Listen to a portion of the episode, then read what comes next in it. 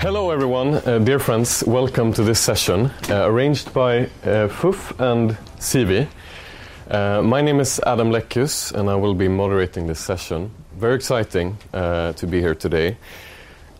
I will actually take the opportunity now in this introduction to introduce myself, but mainly my organization uh, that I'm working for, Push Sweden. Uh, for two reasons. First of all, no one knows about us. We're a small youth organization. some, some of us do, uh, the ones that are members in the network. Um, and, and also because a sub theme for this session is to explore the role of NGOs and, uh, and other non party stakeholders uh, that are engaging with the uh, international climate politics that are being handled at this coming conference. So that's also a pr- perspective that I obviously represent. So Push is a, uh, a, Swedish youth sustainability network taking on the responsibility of uh, trying to clean up after previous generations in terms of uh, climate um, impact um, and doing everything in our power, which is quite limited, to um, to kind of secure a livable future for our. Thank you. I'm sure that's a very important talk, but let's save it for later. Uh, for our future and our, for us, us, our generation, and our children. Um, so, due to the character of climate change, we're, we're a young organization. We celebrate five years uh, this year.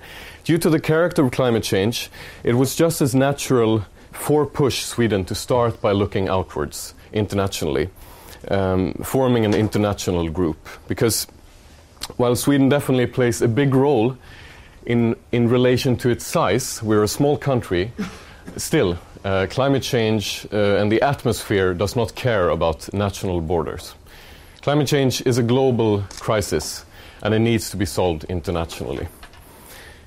But in conjunction with the historic 2015 Paris conference, COP21, which I'm sure many of you uh, remember, we first got accredited as an observer organization in the uh, UN climate change negotiations. Uh, and since then, we have continued to send uh, delegations of talented and passionate young people to these conferences um, uh, and uh, doing what, what we can to represent the young voice.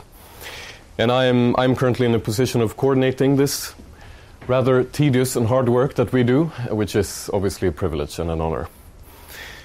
Now, COP24, which is the 24th Conference of the Parties to the UN Convention on Climate Change, the UNFCCC, it is approaching very quickly now in December, and we will soon hear about, more about it. Uh, because Mathias will give us a mini lecture on the, on the COP, on the Paris Agreement, and on the, um, the current science that is at least supposed to inform global policymaking on climate change. So I'll, I will leave the kind of educational aspect to him. Um, but I will just say, speaking on behalf of Push, and not only us, but many other NGOs uh, like us, that we are very much looking forward to this incredibly important conference um, in Katowice, in Poland. This is a very important COP for several reasons.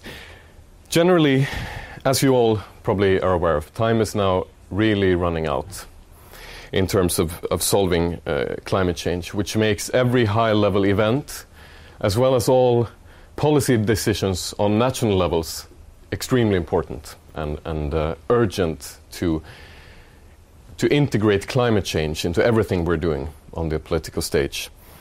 We simply don't have time for more delays.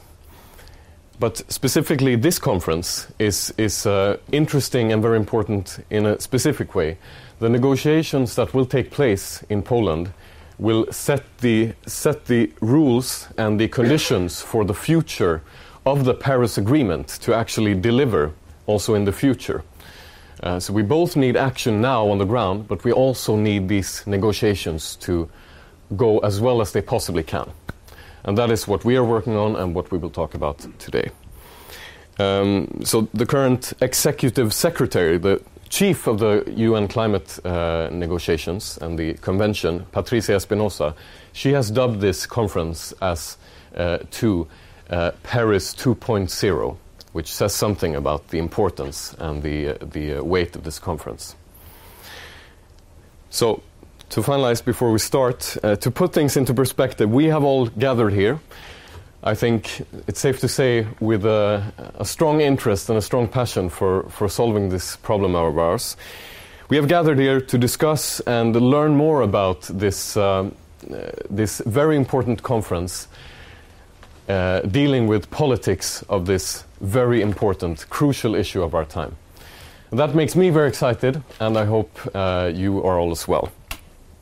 Um, so I'm excited about first hearing the interesting presentation from Mathias, and then uh, some fruitful panel discussion moderated by uh, myself, and then obviously questions from all of you to these wonderful panelists that we will hear from.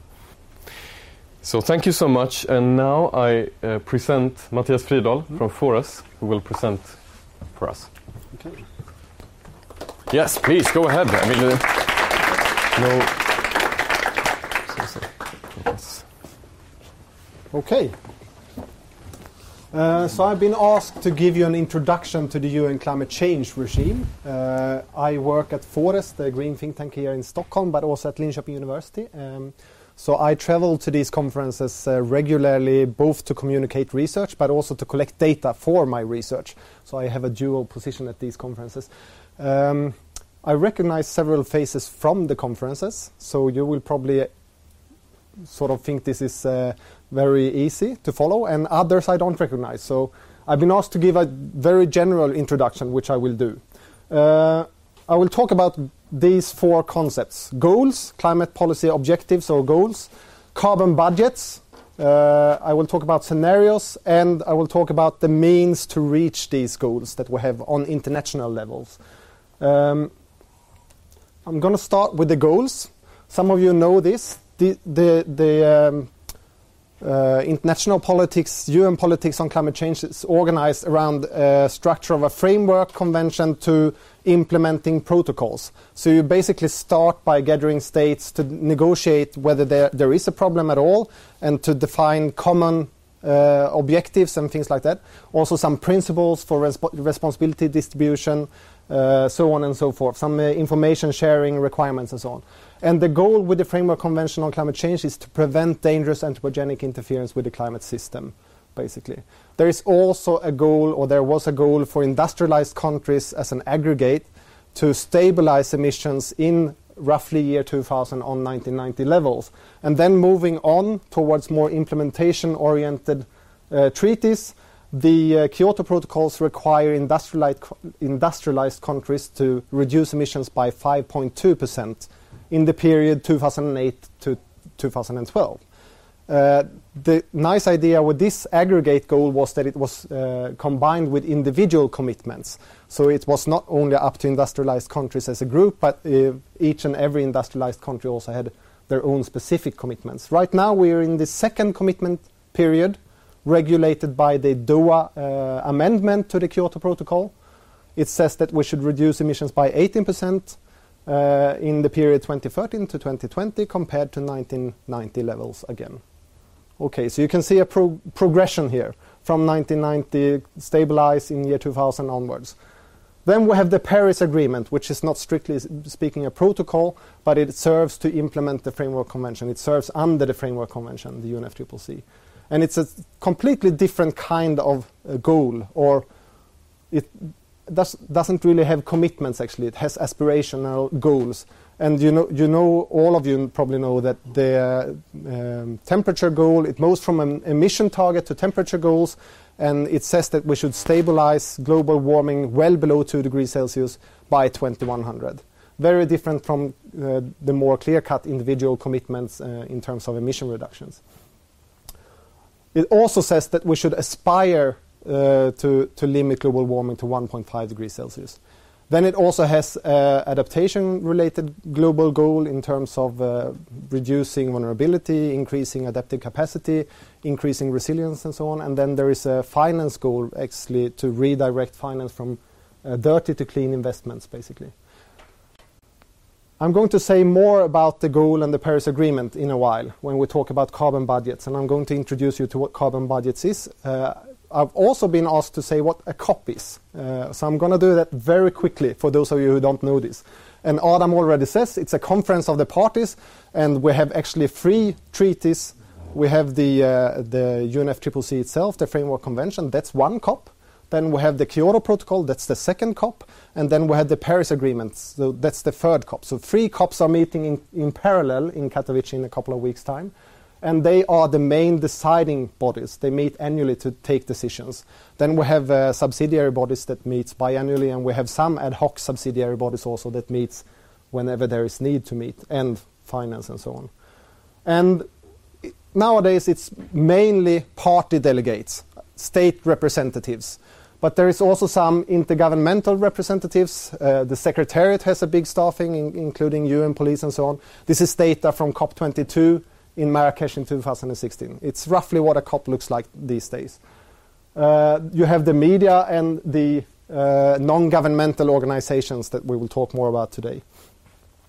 And it's not a small conference. It's actually the Marrakesh conference gathered almost 25,000 delegates. So it's a really big endeavor.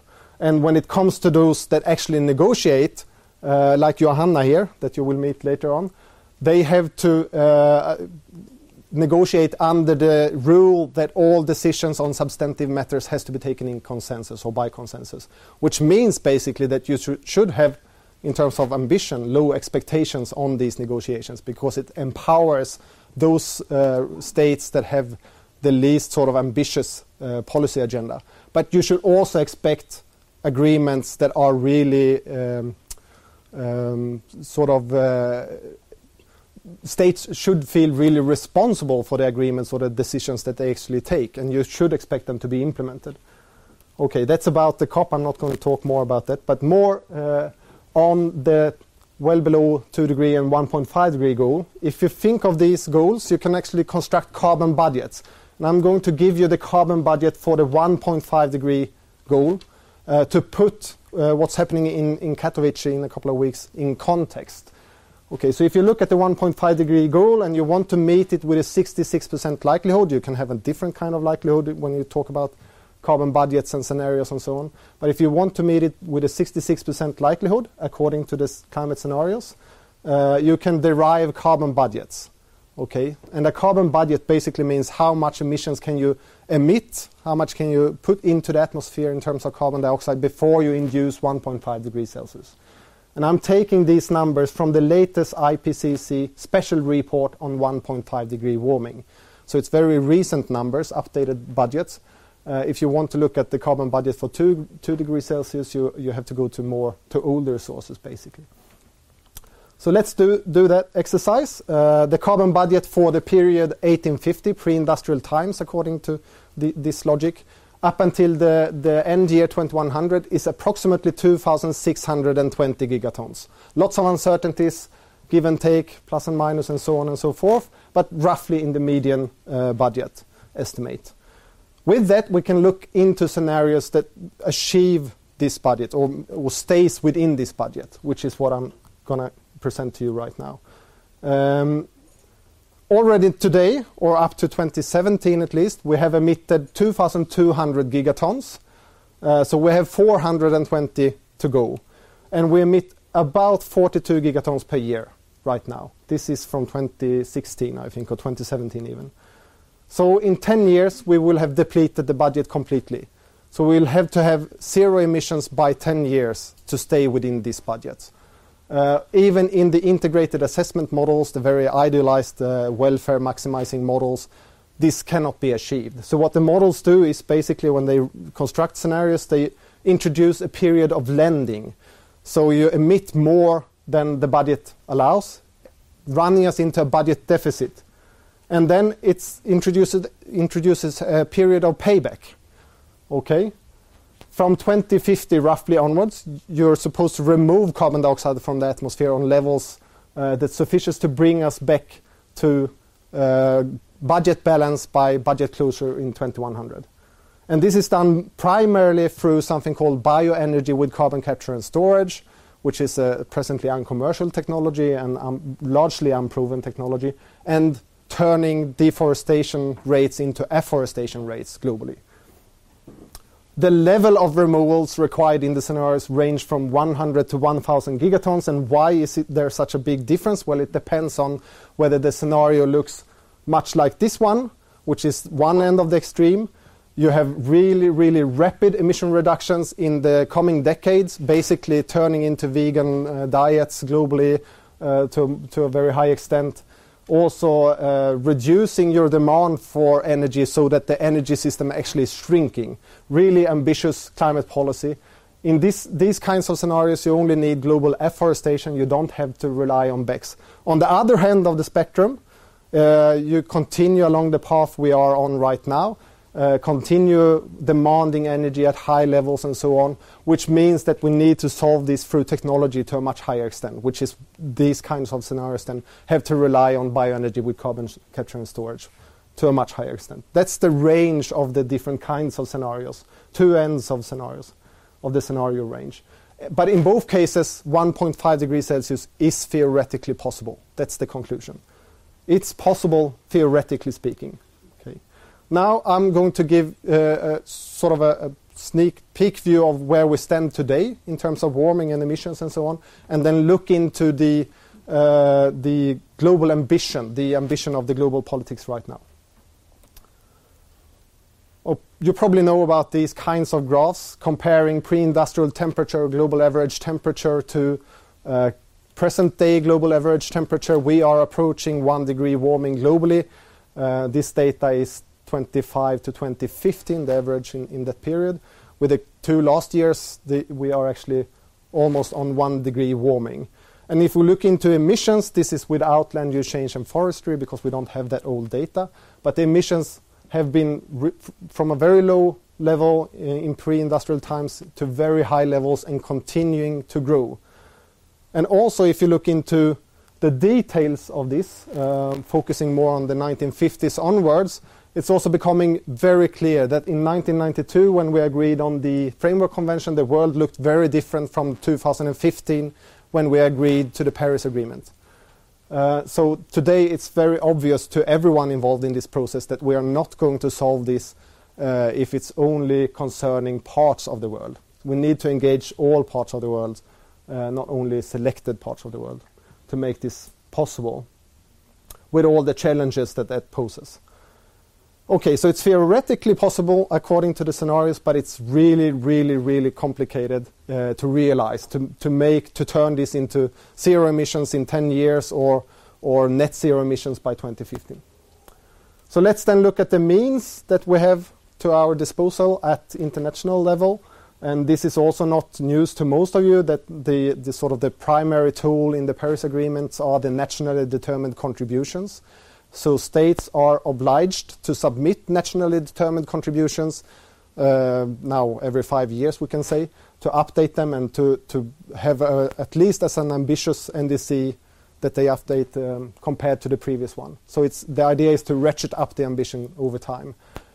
If we look at the uh, intended nationally de determined contributions pre-Paris, they were submitted from almost, almost all parts of the world, and today we have at least 183 ratifications. I haven't checked this morning, but we have a lot of ratifications of these NDCs.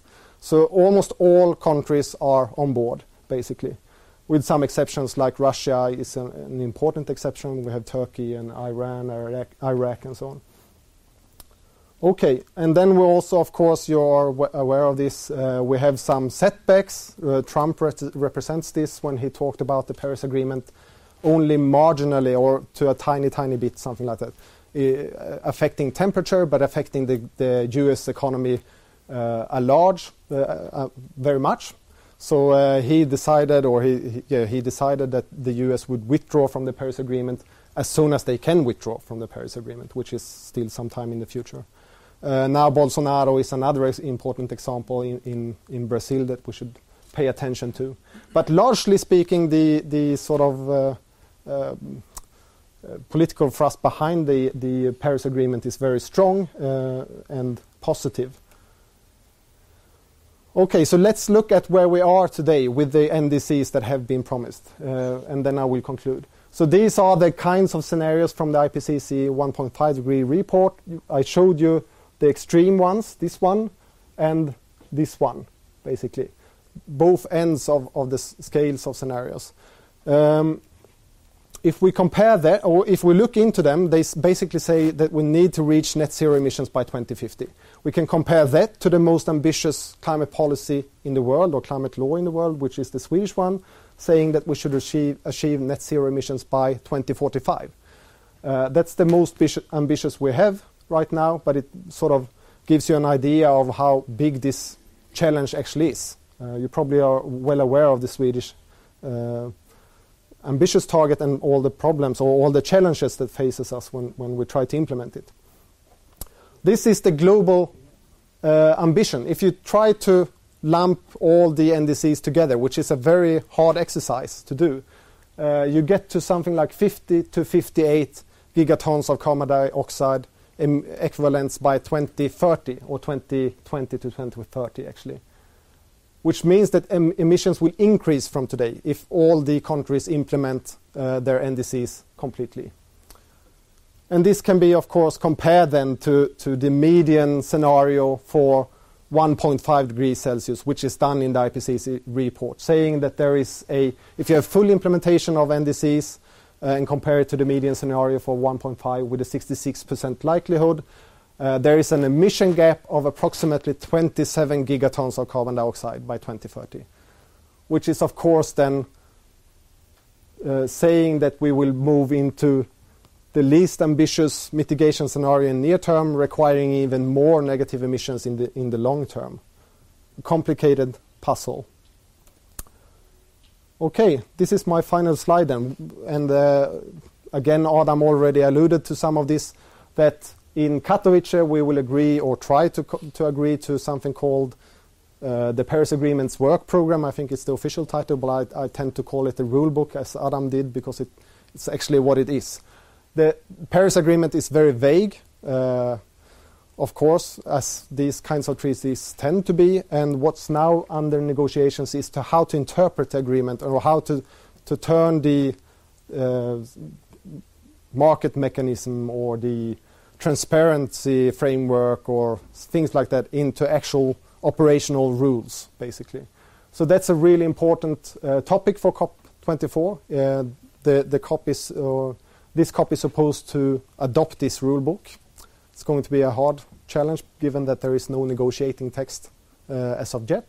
And then there is also the um, the issue of pre-2020 ambitions that we are, if we lump up the NDCs and if we look at the current uh, mitigation endeavor globally, uh, we are not aligned with the uh, cost-efficient scenarios for meeting either the 2-degree target or the 1.5-degree target. Also, the Kyoto Protocol's Doha Amendment, for example, has not been ratified or not has not turned into um, force, which is something that concerns lots of countries as well. I'm going to leave the floor open there because I think the panel now can discuss this uh, much more in detail. Right, Adam? Thank you so much. Yeah. yes, that's partly what we will try to do. So, mm. first, uh, let me just bring the panel up to the table. Uh, Mathias, please. Uh, and then also, uh, I will introduce Johanna Lissinger Peitz, uh, the chief negotiator for Sweden and also Maggie White uh, from Swedish Water House. So please give them a warm hand. So now we have uh, a lot of things that we can potentially talk about, and we will try to uh, find the most efficient way of doing this. So, uh, with all of these um, pieces of information in mind uh, from you, uh, Mathias, let's start where you left off with a focus on this specific COP24 uh, and then, then go a bit broader.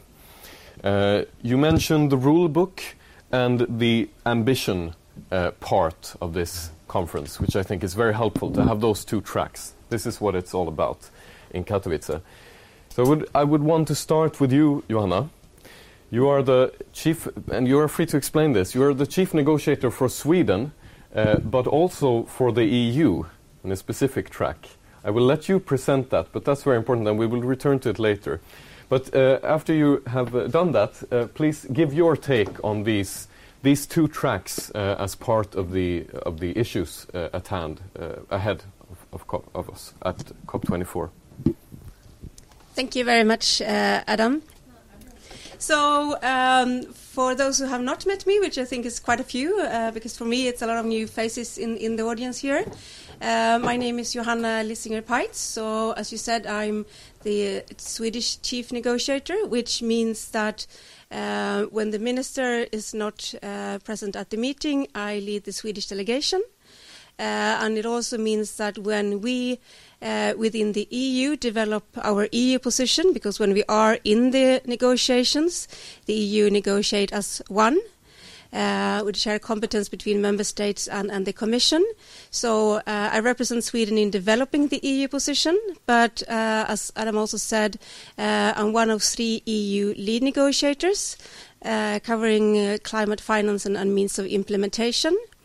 Um, so the EU in the negotiations are represented by by three colleagues of mine or two colleagues of mine from from Germany, Commission, and, and Sweden. Um, so that that's how we are represented in in in the uh, negotiations. But maybe just to to pick up on your question, um, and I, I wrote down a few things also where during the presentation. I don't know if you want me to react shortly to those. No, also good. Uh, but I will start with the last picture, um, and I very much agreed with Mathias that the rule book is, um, I think, at the center and at the heart of the COP24. And uh, the question then is so, why is the rule book so important? Uh, we have the agreement, so, so why are you still negotiating, and why is the rule book important? And this comes back to, I think, what Mathias said also. The, the Paris Agreement is a, a bottom up agreement which builds on parties' contribution, which are nationally determined. And in any system that is nationally determined and which build on a bottom up approach, you need those rules to be able to track progress, to be able to compare commitment between different parties uh, and to be able to make sure that we are making progress over time and that our parties are delivering on what they have said that they will be delivering.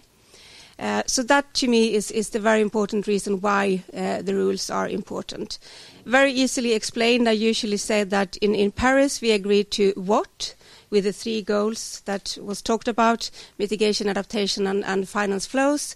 And in Katowice, we will decide on how are we going to implement those, which also means that a lot of the ambiguity that we could not agree upon, well, we agreed upon it in Paris, but we have different interpretations on some of the text, tends to come back now. Uh, so for those of us who are in Paris, it's a little bit of of seeing the same patterns and hearing some of the same positions. Um, the one thing that I think I missed on the last slide, you talked about the rule book.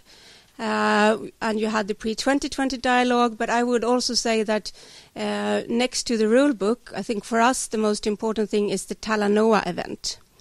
Um, and shortly explained, Talanoa was a term that is introduced by the Fijian presidency. Uh, it's community based decision making in the Pacifics that they have introduced as a new element to the UNFCCC. Uh, and which was, I think, very skeptical for many, but has been very well received. In short, uh, it addressed three questions Where are we? Where do we want to go? And how do we get there? That has been a technical process throughout the year. At the COP, it will now be a political moment where the ministers are represented to talk about these three issues. So, for Sweden, I would say next to the agreement of a robust and dynamic rulebook, uh, the Talanoa dialogue and a strong outcome on that will be essential. And I don't need to give you the explanation. I think you have all read the newspapers on the IPCC report and the 1.5 degree report, which is, is giving the justification of the importance of that. Um, I'm not going to hijack the microphone, but let me just check if there's anything else that um, I just want to touch upon now. Um, I think I leave it for that for the time being, and then um, I will come back. Maybe one thing that you talked about, um, and and that is again you said you said that it's the Paris Agreement is a weak agreement, uh, but on the other hand, it does involve uh, almost all parties in the world. I think it was unprecedented with the speed that the agreement was was ratified and entered into force. Uh, which provides some challenges for us as negotiations because we thought we would have until 2020 to agree the rule book, and we had only had to 2018, and that makes a difference.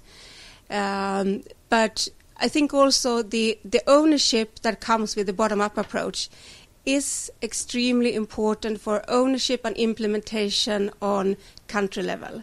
So sometimes you have to weigh this two top down, high ambition, but not necessarily the same ownership or bottom up approach, maybe a stronger ownership and a stronger implementation on the ground. Thank you. Thank you. Very good and, and extensive answer. So we will now, I think, pass this on and also use that one. So thank you also, Johanna, for mentioning the Talanoa dialogue, which is part of the ambition track, as I see it. Thank you so much because I was going to mention it after. Now I don't have to. I can just add that um, in this in this phase in the year before the political dialogue, there has been a technical process, but there has also been a kind of participatory process in which pers- sorry. Participatory. Okay. Thank you. You all got that live stream? Thank you. Um, so in that in that phase, uh, the the Fiji presidency that has um, inst instigated the the Talanoa part of this dialogue, they have uh, encouraged us as stakeholders to participate uh, and and come and do our own Talanoa dialogue events. From our part, we have done this both both in the spring and now before this COP, and we have sent in submissions, and that has been a very important thing uh, for us to uh, for us to engage in the process with. Uh, and this is a transition to the next question, which is the sub theme, as I said in the introduction. Um, the role of NGOs and, and, and stakeholders interacting with the COPs. Talanoa Dialogue is just one thing, but we have to find all the possible channels that we can to influence the, the politics and the negotiations. So I want to turn uh, first to you, Maggie. Uh, representing SIWI, uh, Swedish Water House. Uh, you are. We will come soon to like your specific niche, your in in the COP sphere, which is the water issues. But first of all, your your perspective on the role of NGOs and stakeholders, and whether or not we are actually included and can actually play play a role and have an effect. Thank you. Um, Actually, thank you for that presentation on uh, UNFCCC and, and the COP. Um, very interesting and very pedagogical, so uh, not very easy to uh, to apprehend. Um, there was one thing that was missing um, for me is that when we talk about um, the other parties or the non-stakeholder party and process, um, of course, all the conventions have observers, and that's what you were representing, I think, in the numbers also. So, um, yourself, you are an observer, SIWI is an observer. We all have different groups. You have the research group, which is SIWI is a part of, the youth, um, the businesses, um, the indigenous, uh, the women. So, they are all observers and can attend the COP, but also all those different um, subsidiary groups that work, like the Adaptation Committee or the Standing Committee on Finance. And that's pretty consistent in majority of the conventions. What was interesting, and this actually started in Peru, uh, is I think it was opening up to other stakeholders. Uh, so we had the Lima Paris action agenda that was initiated um, during the COP20 that took place in Peru, and that was formalized at COP21. And this participatory spirit of Paris was because it was opening up to other stakeholders, uh, to this global climate action agenda, bringing them into somehow the discussions, not the negotiations. That's very much linked to the countries, uh, and there we can go in as observers and we can make recommendations through the dis- the different uh, constituent groups, such as research or youth or business. But um, I think what was very strong in Paris, and then the Moroccans picked up even stronger on. We had two amazing champions, uh, which was Laurence Tubiana and Hakima El Haite, which were the two. Um, strong negotiators and uh, ensuring the presidency of the COPs also. And I think that's also interesting in the COP spirit is the country that hosts the COP. What is the landmark? What is how are they trying to influence or leave something with that COP? And I think COP21 and COP22 was also about opening up to other stakeholders, because in the uh, gigatons that you were talking about with the CO2 emissions, I have another number, which is if you put together all the nationally determined contributions, you are up to 0.4 degrees. So the recognition was to say countries cannot do it alone. We need to have all the stakeholders come on board. It's a global issue, but solutions are at the local level, and therefore, who is at the local level? It's cities, it is the private sector, it is NGOs, it is research institutions. So having them come on board to discuss uh, in this process of what can be the solutions for implementing the Paris Agreement was was was very refreshing and interesting, and has created a lot of dynamics uh, also. Um, so that's the Marrakesh Partnership Action Agenda which was initiated, uh, as I mentioned, with COP20, then reinforced at COP21 in Paris, full blown at COP22 in Marrakesh, in Morocco. And that also the Fijians picked it up and became the Talanoa Dialogue. So that was what's interesting is actually bringing in the other stakeholders to discuss with parties uh, in these roundtables about ways forwards and solutions to influence potentially the rule book and how do we go forward. So it's an ongoing process. It has opened up. I do agree that some countries are for and very willing. Others are a bit reticent. It's already very complicated when you have to negotiate by consensus. So any new kind of language coming in makes it very difficult. Uh, um, COP21, as you mentioned, and, and Johannes mentioned, also opened up the world to adaptation. Before we spoke about CO2 emissions, now we have to talk about adaptation. What is adaptation compared to sustainable development, to international cooperation? What does it mean in our own countries? Also. So it does raise a lot of questions and issues, and it does complicate the discussions. Who's responsible for what? Who should pay for what? Um, so I think that is the challenge that we have now in maintaining the Paris Agreement spirit, as we call it, which is supposed to be inclusive, open, and very ambitious. We two less years to actually agree upon it does make it more difficult. But it has opened up those avenues and there are more tracks. We do talk more about human rights based approach definitely in the text, it's in the Paris Agreement, but what does it mean when you implement? Uh, and that becomes much more difficult. So the implementation phase uh, is really what makes it very complicated and creates a lot of tension and also lots of um, difficulties in coming to that consensus of agreement. So unfortunately, it does bring it at a lower level of ambition. Uh, but what was interesting is that when Trump said that he was going to pull out, who stepped up in the states? The private sector and the cities. And I was actually talking to the, the general director of the Green Climate Fund, who said that he was getting phone calls from cities or companies saying, How can we send you money to continue the work and to make up for the amount that the states would not be contributing to the Green Climate Fund? He wasn't able to receive that money because the Green Climate Fund is supposed to receive money from um, um, public, from states, from bilateral, multilateral entities. But it was interesting to see that, that momentum being, being created. So the big issue we have now is time. It, it, really it's that acceleration that we're seeing more and more. We see with the IPCC report coming out. How do we make that meaningful change in the short time that we have left? Um, is the big question. That's, uh, but we need to do it together, and I think that's what's interesting within um, the Paris Agreement that it has opened up the avenue, avenues, and that stakeholders can come on board, and we can find solutions for the implementation part. So, thank you. Thank you so much. Just want to, because this is an important topic to kind of understand the entire structure of things. And thank you for, for uh, I, I, said in the introduction that this needs to be solved internationally. Yes, on a political level, we need to have the international dialogue, but ex- exactly as you say, the solutions are also definitely on, on other, in other parts of the spectrum.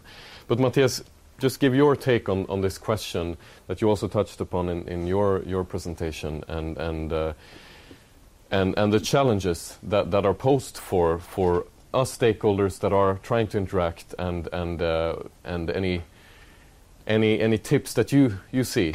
Interpret it openly. uh, okay, uh, no, I think I just agree to what you said. Uh, there are so many different rules for the NGOs to play. They are the critical examiners of, of and the watchdogs of what uh, states are, are sort of putting forward. They are the facilitators uh, that provides new ideas and come up with compromise proposals and new language, even though it's it's hard with new language, uh, and so on and so, fun, so forth. They are also uh, communicating out from the COPs, uh, but they are also lobbying inwards towards national delegations and so on. So they fill so many different roles uh, and functions. Uh, important stakes are represented by uh, NGOs, uh, gender constituency, uh, farmers, uh, indigenous peoples, and so on and so forth, uh, to to make sure that we don't forget important dimensions of climate change. And so, yeah, it's very important. Of course, there are challenges for NGOs to engage with this process. we know that there has been some law put forward in Poland, for example, that makes it harder to demonstrate that's of course a challenge of these kinds, and and also the fact that uh, if you don't, as an NGO, have access to a party, uh, sort of being nominated via a party, it's getting increasingly hard to get access to the conference as such because the party uh, delegations are becoming larger and larger. As I mentioned, I showed the figures before: 15,000 party representatives in in Marrakesh. Of course, not all of them are negotiators, not all of them are even normally state representatives, but they are NGOs uh, sort of under state cover, uh, which is possible in some countries and not in others, and so on. So there are, of course, some challenges also for NGOs. But I think this process is unusually open to NGOs. I really uh, appreciate that, and I think it's it's something that other processes can learn from. Uh, it's a good example, actually. Thank you so much.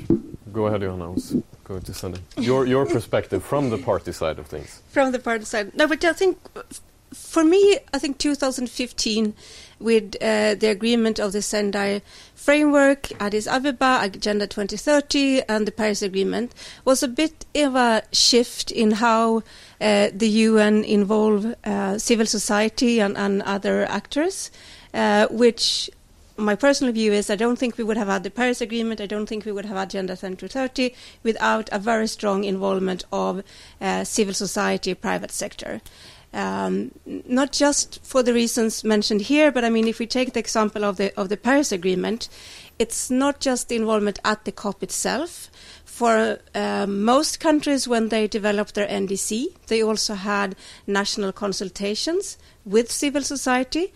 In many cases, in an area on climate energy that would not necessarily have happened before. So it's also the process of involving not just at the COP, but sometimes even more importantly before actually coming to the COP also. So uh, that that's that's I think one uh, aspect of it, um, and then of course uh, when you have uh, a representation from, from, for example, a certain sector, showing that the, uh, the technology are there, the solutions are there.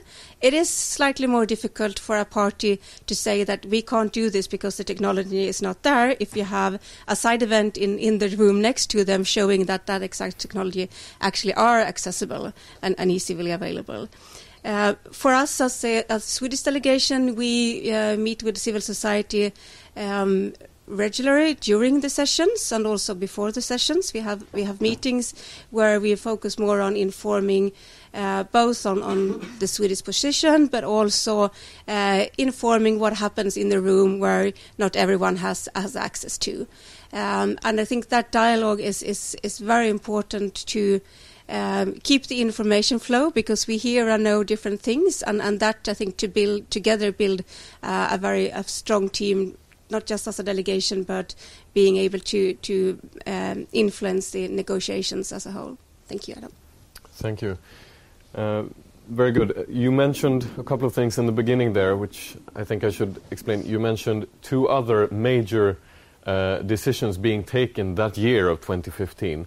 First one being, apart from the Paris Agreement, first one being Agenda 2030, the Sustainable Development Goals uh, of the United Nations and the second being the Addis Ababa Action Agenda, and that is about development finance, basically, um, and and also the Sendai framework. But let's keep it to these three. They all they all connect together in a very important way, and I would like to now go to the next question to you, Maggie, uh, because. Uh, if, if we somehow miraculously manage to solve the issue of climate change, you would think that it's all uh, good and fine and, and dandy.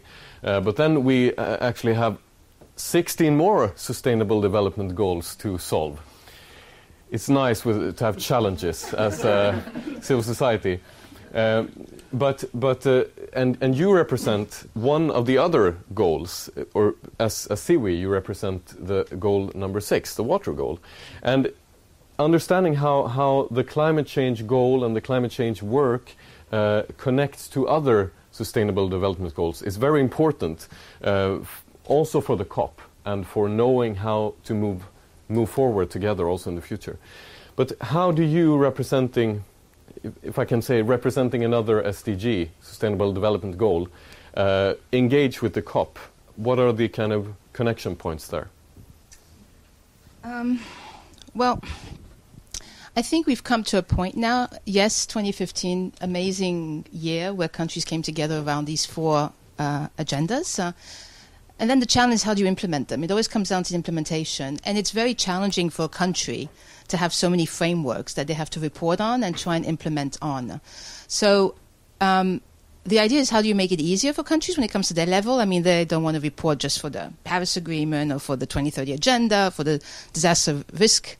It's more about how do I create resilient societies and communities in a sustainable manner, and what is the best entry point for that.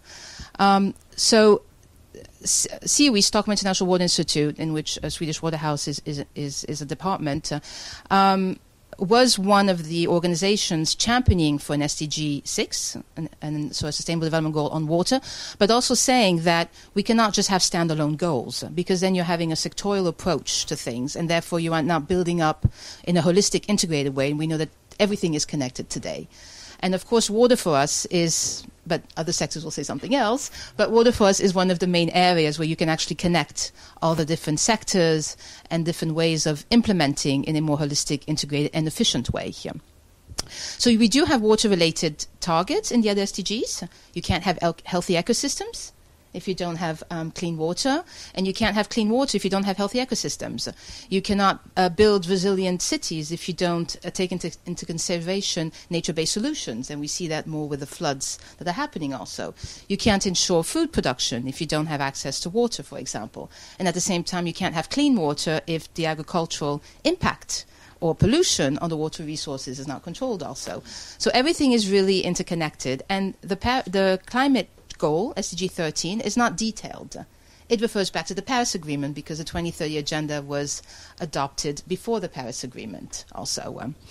Um, so, what we try to do at, at, at, at is actually come forward within the 2030 Agenda, but as well the Paris Agreement with um, policy recommendations, um, good case studies showing how you can implement in an integrated way through water for countries so that they can plan that way also if they want to prioritize the funding because the funding is not exhaustive. There is money out there, but you need to have good projects also. So, for example, if you look at indirectly, yeah, elements when it comes to water, we, we have a source to sea approach at SIWI. Yeah.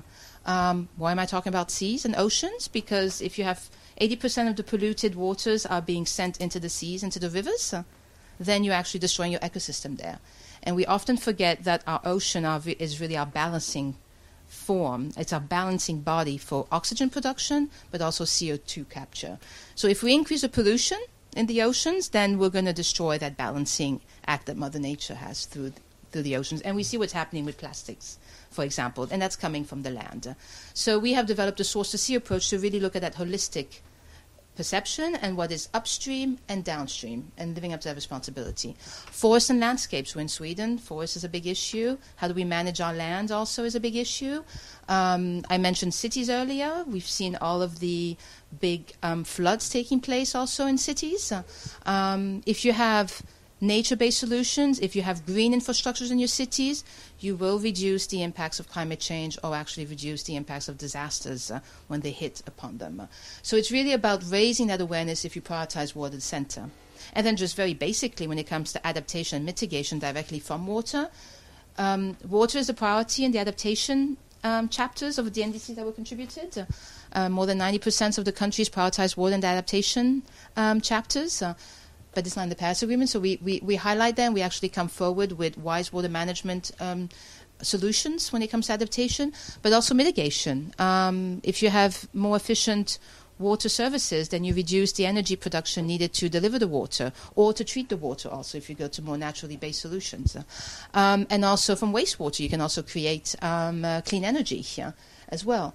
Um, we want to develop clean energies. We need a lot of water and quality water to do that. So it's really about highlighting the added value that water can bring from the adaptation and the mitigation aspect of things because it is part of the same coin. Mm. Thank you. So we're painting, painting a picture here of the entire structure.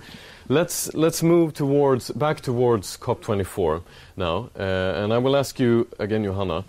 Um, as as we as we said earlier, I think it's quite important to to repeat that that Sweden is not. I have I've found that many people uh, do not know this that Sweden is not a party itself to the negotiations, but are negotiating through the EU.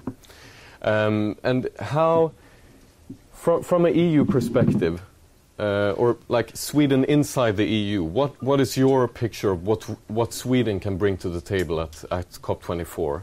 Uh, and also connecting to, to, the, to the situation uh, that, that, e that the EU is dealing with. Uh, up ahead until COP24, a, a worrying political climate uh, that we will need to deal with somehow. EU wants to be a leader. Uh, is that is that possible? Are we a leader? And and in that in that perspective, what is what can Sweden's role be in that? Big question, but we're trying to frame a lot of things in this discussion, and we don't have that much time left. So, are you doing very well in covering absolutely everything in, in a short time? um, well, maybe just to, uh, just to, to be quite clear, I think it's important to know that Sweden, of course, is a party to the convention, to the Paris Agreement, etc. Yes. Although we don't negotiate as, as one country, but, and it's a slight difference there. Uh, an important one, though. Um, I mean, how it how it to be able to respond to the question, just to to kind of lay out how the process actually works. So before a COP or before a session in Bonn, we prepare our Swedish position, we do our priorities, we travel to Brussels, we meet with the other uh, member states, the Commission, the Council, and formulate our position. And, and that's where we have the biggest impact. So when we are at the COP itself, uh, we have an EU position, and, and I think that's important. For us, the, the priorities, and I think we have uh, been, been quite successful in that, is to push for uh, a strong and robust transparency framework um, and to push for the dynamic elements of the Paris Agreement. And now I'm going to be a little bit more technical, but the dynamic elements of the Paris Agreement is what we call the global stocktake, which takes part every fifth year. And that's where we see that you have the um, possibility to raise um, raise ambition over time, and we all know that we have to raise ambition over time. Um, so, for example, when the the ministers meet uh, at the council before the COP, these are elements where we push very strongly for. Uh, and I, if I look at the last council conclusions, we, we I think were quite successful in getting quite strong text on, on many of those um, elements. Um, on your question on what the EU is dealing with now, I'm, I'm kind of just clarifying the question, uh, assuming that you're talking about the global geopolitics in general, or yes, okay. Uh, there may be other situations that I'm, I'm not aware about, but I mean, I think with there was a build here, uh, a picture here from from Trump from the Rose Garden speech, um, and um, I think a, a, very common question that I usually get is, you know, the U.S. is are they still part of the of the Paris Agreement? And yes, they are party of the Paris Agreement until I think the day. Is it before or after the next elections? I can't remember right now, but but that's actually the day after. Yeah. Um, so it is, of course, a very different uh, political environment than we had in 2015. Um, but and, and Brazil was mentioned, the US was mentioned. But I also think it's a very different situation than we had in 2015, which comes back to the whole discussion we had re- just now on the importance of civil society, on business and NGOs, which has the years since since 2015 created a much stronger political momentum. Um, so I, I do think that that somehow has very much helped to keep up the momentum, to keep up the general political momentum, even if you have uh, a country who have said that they will withdraw from, from the Paris Agreement. so I think that's that's one element. Um, many delegations are very much looking to the EU as as a leader, um, and I think in, in, in the COP in where were we last time? In Bonn, Fiji Bonn, as I usually call it, because it was under the Fijian presidency, but we were in Bonn. Um, we had, as the EU, I think, a quite strong leadership role. There is something called the High Ambition Coalition, uh, which is a coalition of countries that is trying to work towards a high ambition. And in that, EU also have a very strong voice. Sweden also have a very strong voice in that. So there are different forums where we can um, influence the the political atmosphere and where we can push for ambition, which is not only what is in the rule book, but it's also raising ambition. Uh, for example, as an outcome of the Talanoa dialogue, I don't think anyone is expecting new figures to be put on the table at this COP. Uh, but the signals on what can we do more and how can we work together will be, I think, of, of high importance. Thank you. Yes, thank you also for clarifying. I can admit I, I was a bit short short there. I would love to clarify more, but we don't have that much time. Thank you so much for that answer. Uh, we will now move to the kind of final part of this discussion, and so prepare your questions to this panel because we'll soon reach the Q&A.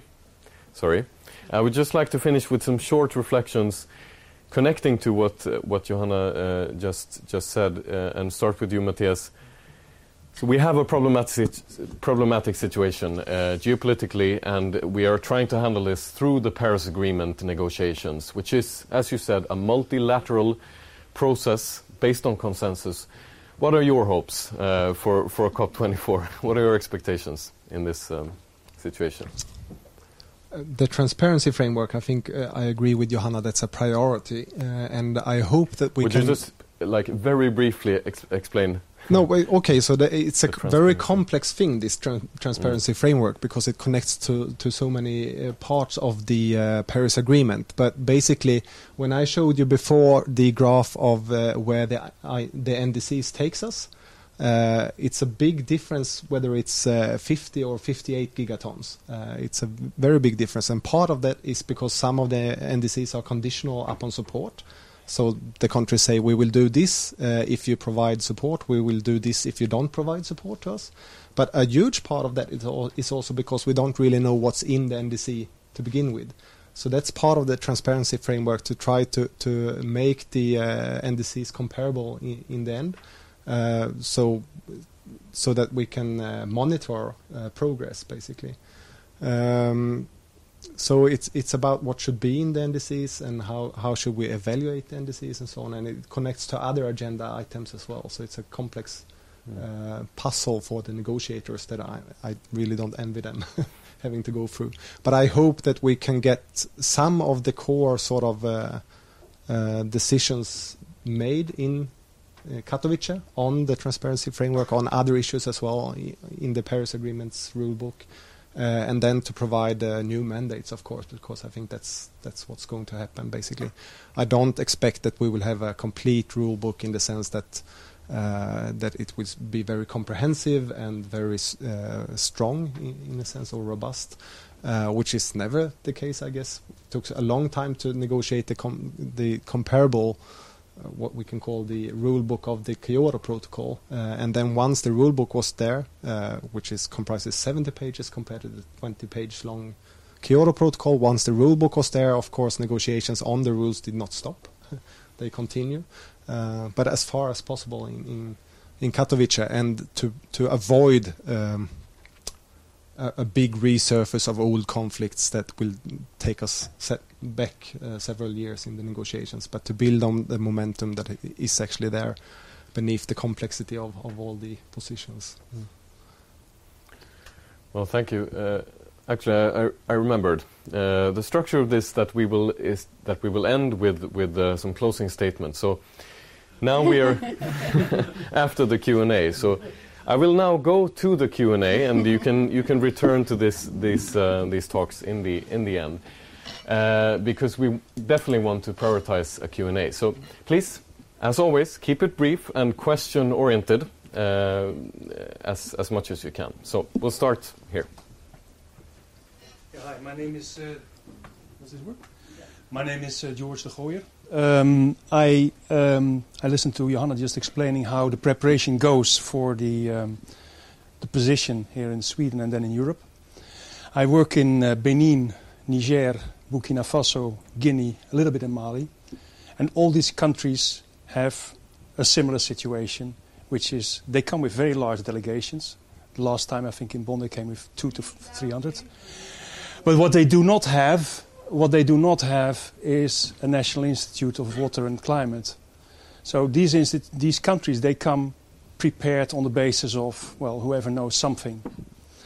And when it comes to what Sweden can do in, in terms of uh, supporting uh, the, the process, I think it would be to support these national research institutions.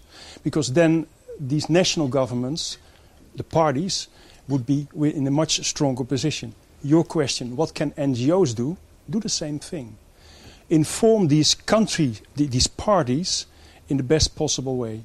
But it starts with, starts with, at the national level, have the funding and that's, I think, a global public good, not a national public good, a global public good, have at a national level these uh, capacities available, have the funding available. And what I think a SIWI can do, but also uh, a Stockholm Environmental Institute or a World Resource Institute, is to create the credibility of such an institute. So say, okay, this we, we, we trust what this institute, this national institute, is doing.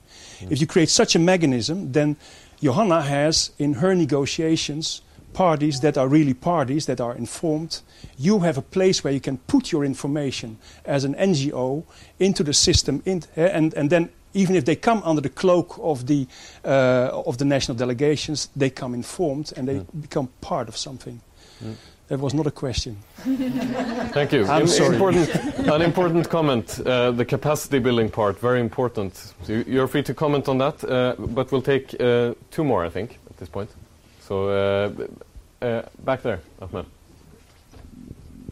Thank you. Uh, my name is Ahmed. I work as a PR consultant for Vestanda. I've uh, attended several COPs since 2009. And my question is the recent Carbon Majors report shows that, uh, around, uh, that approximately 100 companies around the world have been the source of more than 70% of the world's greenhouse gas emissions since 1988. So we know that the private sector has a big role to play, but how can we realistically prevent the participation of the fossil lobby and their interests without compromising transparency. Thank you so much. The issue of uh, conflict of interest, which we in Push have been working on quite a bit. Very interesting. Thank you. So, another question. Uh, we have another one here at the front. My name is Bo Elding, and thank you for asking that question. That was one of my questions also. I have a second one, I think, to uh, Johanna. What is it possible to have a bonus malus system for all these nations that doesn't keep up to their promises? Uh, I've been working 40 years with development assistance, and it's very, very common to make promises. But it's very uncommon to meet with these promises in terms of money and all the activities promised. So, this is my question. And of course, I have a question for you as well and that is what kind of population figures are you basing your statistics for the future on? Thank you very much. Thank you. So we have four questions. If we don't have time, you will get one, one of those questions answered. Please, who wants to start? Shall I start with the easy? Go ahead. yes. the population low-hanging fruits. yeah, yeah that's the easy one because it's basically uh, uh, these scenarios that that are run with the integrated assessment models. They operate under different, uh, let's say. Uh, um, stories of how the future will develop. So in some of these stories, the population is increasing not so strongly. In others, they increase very strongly. Uh, and then, given these different core assumptions or framework assumptions, the, the models are run uh, to to see whether the goals can be met or how the goals can be met. In some cases, the goals cannot be met under some uh, circumstances. So, for example, typically when it's very complicated to meet the goals with these models is when you have a very fragmented international political uh, context. You have high increasing, continuously increasing demands for energy, uh, like we continue to to operate and behave as we do today, uh, but we expand this globally and uh, and you have population increase. Um, so that, um, well, uh, yeah, but you, and then you can. what is good with this is that it's very transparent. So if you go to to uh, the uh, Intergovernmental Panel on Climate Change and look at the report, you can find these assumptions, the, the assumptions behind this uh, sort of the scenario. So. I, I leave the tricky questions. Yeah. Do you want to try one of the ones? Thank you very much. Um, I think I'll start with, with your comment, which was not so much of a question, but it was a very, I think, interesting and, and important comment. Uh, and I'm sure Maggie, you can you can fill in a little bit on that. But um, just, I think, very kind of brief answer. Uh, we are engaged in capacity building, both for um, negotiators. Uh, and also for institutions, not at least through the financial mechanisms uh, and the capacity in building initiatives there. Um, there are also, I think, different groups, uh, informal groups, which are called Friends of Rules, or we have a group called the Cartagena countries or Progressive Climate Action, where um, it's a mix of countries with different uh, capacity and different size, trying to analyze analyze the texts of the uh, that is now put on the table together. So that is, if if we have more people who are experts in, in one field and maybe another country have lesser expert there, we are somehow sharing our own delegation capacity uh, with like-minded countries to try to build that uh, momentum also. And then on the different institutions, I'm sure Maggie will will respond uh, to it. Um, and, and, thank you for raising the issue on, on conflict of interest, which has been, I think, a present issue the last three, four, four meetings at least in uh, in the climate negotiations. Um, and we, of course, understand the, the, sensitivity around this. There are, however, rules uh, in the rules of procedures for observers, uh, and I think introducing additional criteria for who can be an, an observer or not, I, I, I don't think that's a feasible way forward. Um, and I think it's also the issue of sometimes you may also have to involve the ones that are causing the biggest challenges. Um, so I think one also need to think about what are what are the drawbacks with uh, potential criteria and excluding uh, certain um, representatives. It's also quite clear in the system if you are an observer, you have the name and your affiliation, so you actually know who you are talking with. Um, which also I think allows the transparency, knowing who uh, actually is behind the badge and who is representing at, at the certain issue. Um, and then on the uh, on the issue on um, well, if it's possible to introduce a bonus malus system, I'm not sure if I'm going to be able to respond to that question. Um, but if I take the, the broader approach of what you, Adam, was talking about in, in relation to compliance, how do we actually make sure that there is some kind of compliance system in place to follow up on the action? Um, it may not necessarily be looking exactly at the same as the Swedish bonus malus. I think that would be quite difficult yeah, to introduce in a multilateral context. But there are um, There is something called the Article 15 Committee, um, and it's quite interesting actually because in the Paris Agreement the articles doesn't have name. If you look in other conventions, I used to do other conventions before. You have you know compliance, you had finance, you had technology transfer, but the Paris Agreement it's called the Article 15, Article 9, uh, which doesn't necessarily help the communication of the of the agreement, but that's how it is. So the Article 15 committee is the committee for facilitating implementation uh, and compliance. Um, and one of the issues that are now being discussed as part of the rulebook is how will this uh, committee function? What are the kind of, of, of, triggers that will be able to be used? Um, and there are different kind of, of triggers uh, in the sense of is it only a self trigger? So a country say I'm not in compliance with, with my commitments, and therefore um, you have a case for the for the compliance committee, or can there be other triggers?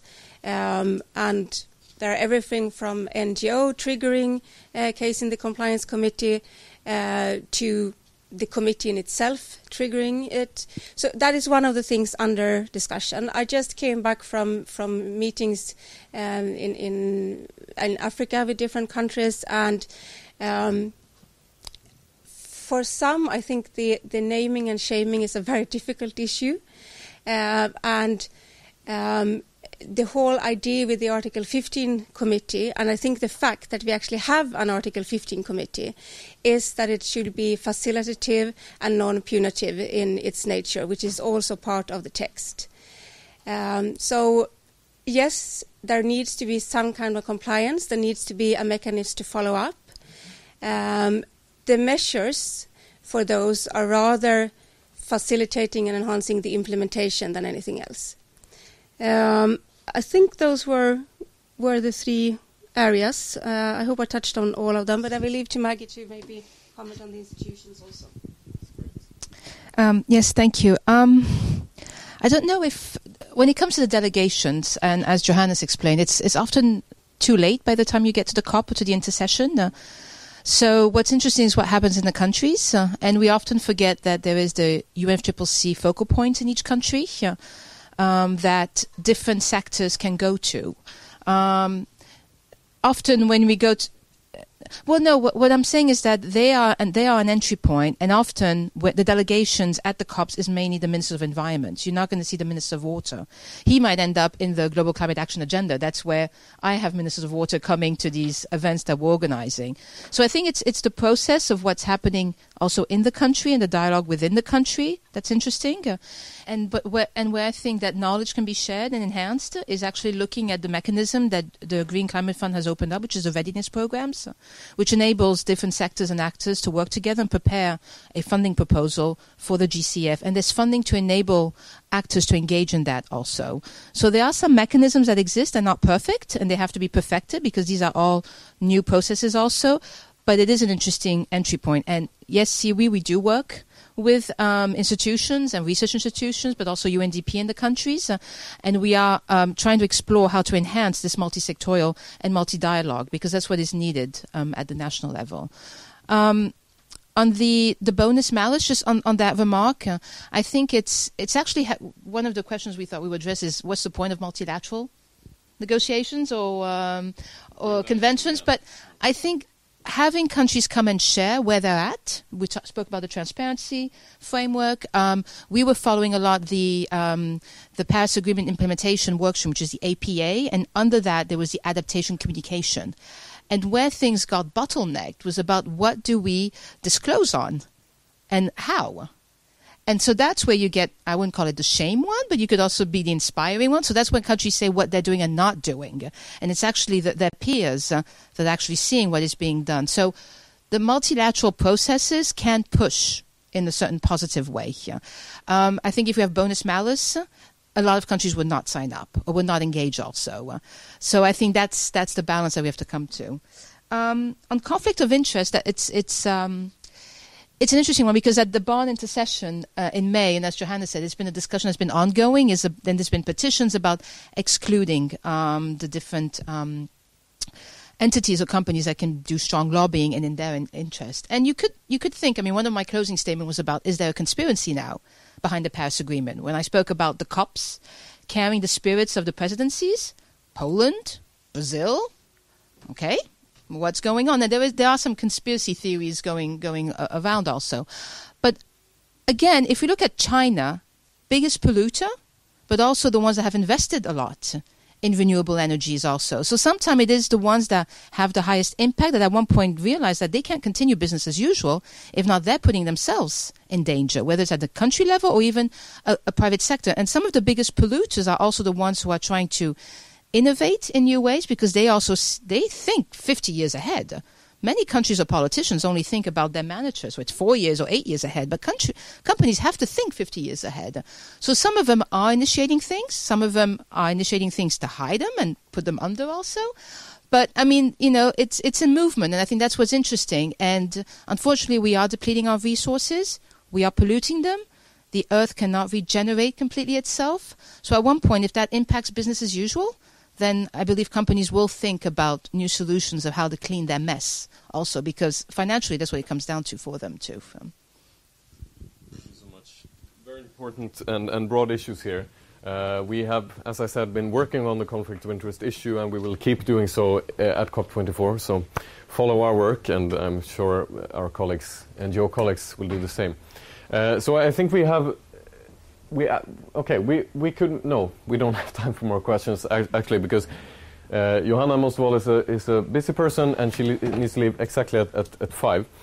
Uh, but we have discussed a wide array of, of subjects here today and we will keep on discussing. And now I will leave it uh, for the panel to give their, their closing statements, and, and you are free to. For the ones of us who can stay, please uh, approach us afterwards and, and have a talk. But uh, now, with, uh, with everything we've discussed, um, please give us your, your perspectives on the way ahead uh, of COP uh, and and and the, the kind of situation we'll be dealing with then, the multilateral forum with all its uh, drawbacks and or, or, challenges, I should say, uh, and and also the way ahead possibly, and like connect to anything that you feel hasn't been raised up until now, and and uh, please go ahead. Who wants to start? I can start. Yes. I already did start before. yeah. so I'm just going to give some uh, additional remarks before I pass the mic on. And basically, I'm just hoping that uh, that we will not fall back on old positions in Katowice, but that we will build on what we have done for the last two years, where we have some informal text and some progress and some areas where compromise is being sort of developed, uh, developing, and that we can lock that into a decision in Katowice and move forward uh, from that decision and, and, continue building the rule book up until 2020. So, and, also to uh, remind everyone that you should not expect very ambitious politics given the circumstances of how these uh, this particular forum operates. So uh, a strong foundation, but a robust one in the case, in the sense that Johanna also mentioned that uh, once you have decisions, uh, they are legitimate uh, because they have come about through a process where everyone has had a veto, almost veto power. So um, that creates a really strong foundation for all of you to go out and, and uh, push other actors to increase the ambition, uh, which has also been mentioned uh, several times. Okay. Thank you so much. Um, we haven't spoken about climate justice. Um, um, and uh, unfortunately, yes, the ones that suffer the most from the impacts of climate are the ones who are the least responsible for the state we're in. Uh, I mentioned that in the Paris Agreement, we do, we do ha- we do talk about human rights based approach, the indigenous, the gender, the youth. They are mentioned there. Um, but what it means, what does it mean when it comes to implementation? And I just really hope. I mean, we're not going to bring in new language. This is language that's in the Paris Agreement. I hope that because it's difficult, because um, we want to preserve what we have, I hope that that will not be forgotten, the human rights based approach. And then when we look about how do we implement it, that is really taken into consideration. How do we deal with traditional knowledge also, because you have sources of solutions there also. Um, how do you innovate also with those traditional knowledge? How do you involve all of the stakeholders? So I really hope that human rights based approach will not be put on the side because negotiations and discussions are, are difficult. And um, I often think about Einstein sometimes, who says that um, we can't solve the problems of the world with the same minds that created them. Um, so uh, I hope that they, we will continue having a renewal of people going to the COPs and the negotiations. Uh, there was a, a, uh, a, decision at COP23 to increase um, female representatives uh, throughout the whole UNFCCC process because it's very male, white dominated. I'm sorry, but we're in Sweden. I can say that without being hit on the head. That's not what I'm used to in other countries I used to work in. But I think there, there's a renewal of the of the negotiators, but there's also a renewal in the way we think about the solutions we have. We are also at a time in our societies where it is globalized information about information, technology, innovation. We have amazing startups. We have unicorns, you know, everywhere. There are very interesting niches, and I really hope that we will think differently because we do have solutions to the problems that we have today. So really think with a different mindset and a different paradigm. Thank you so much. difficult to come after those very wise words. Um, just to, to start, four points, I think. Uh, picking up on what you said, Mathias, that you hope that we are not falling back into our positions. Uh, a few weeks ago, uh, I attended the pre-COP in, in Krakow, hosted by the, the Polish incoming presidency. I have to say that I was actually uh, uh, encouraged by the messages that we heard from the ministers at that meeting, uh, where there was an open mind, there was a listening to positions and trying to understand and trying to find landing grounds. I'm not saying this is going to be easy, but I think there was a strong message of encouragement and a very strong signal to uh, the negotiators that you will have to find the solutions and the compromises. I think that's positive. Those words matters, not to be mistaken for easy. Um, second point, um, there has been some words about COP presidencies and differences.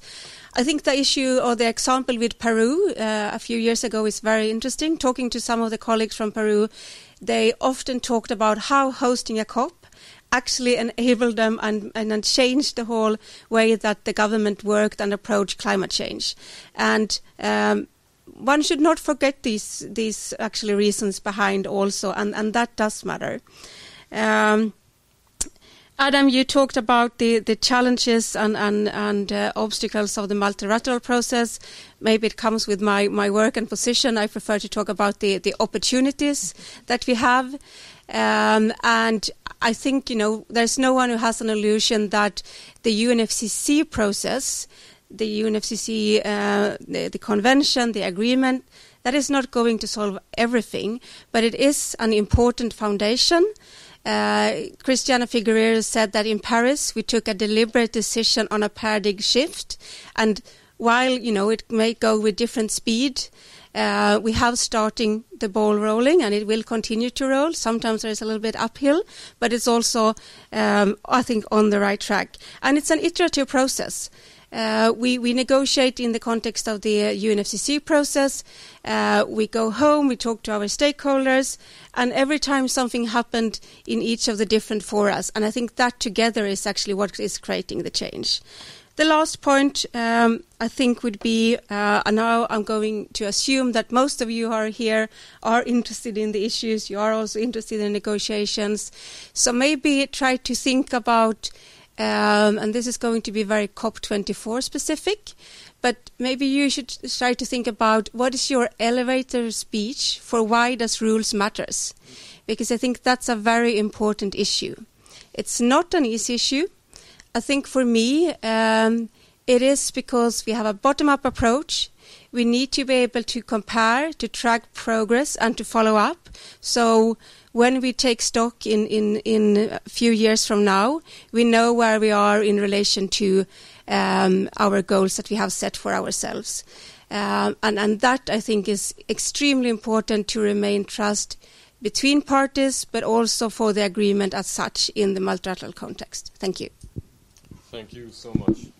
Thank you. So, we have discussed so many things today. Let me just give my concluding remarks and start by connecting to what you said. Obviously, there are hopefully advantages within the, the and opportunities. I totally agree in the multilateral system, and that's that's why all of us also are, are engaging with it, uh, coming from an NGO think tank perspective.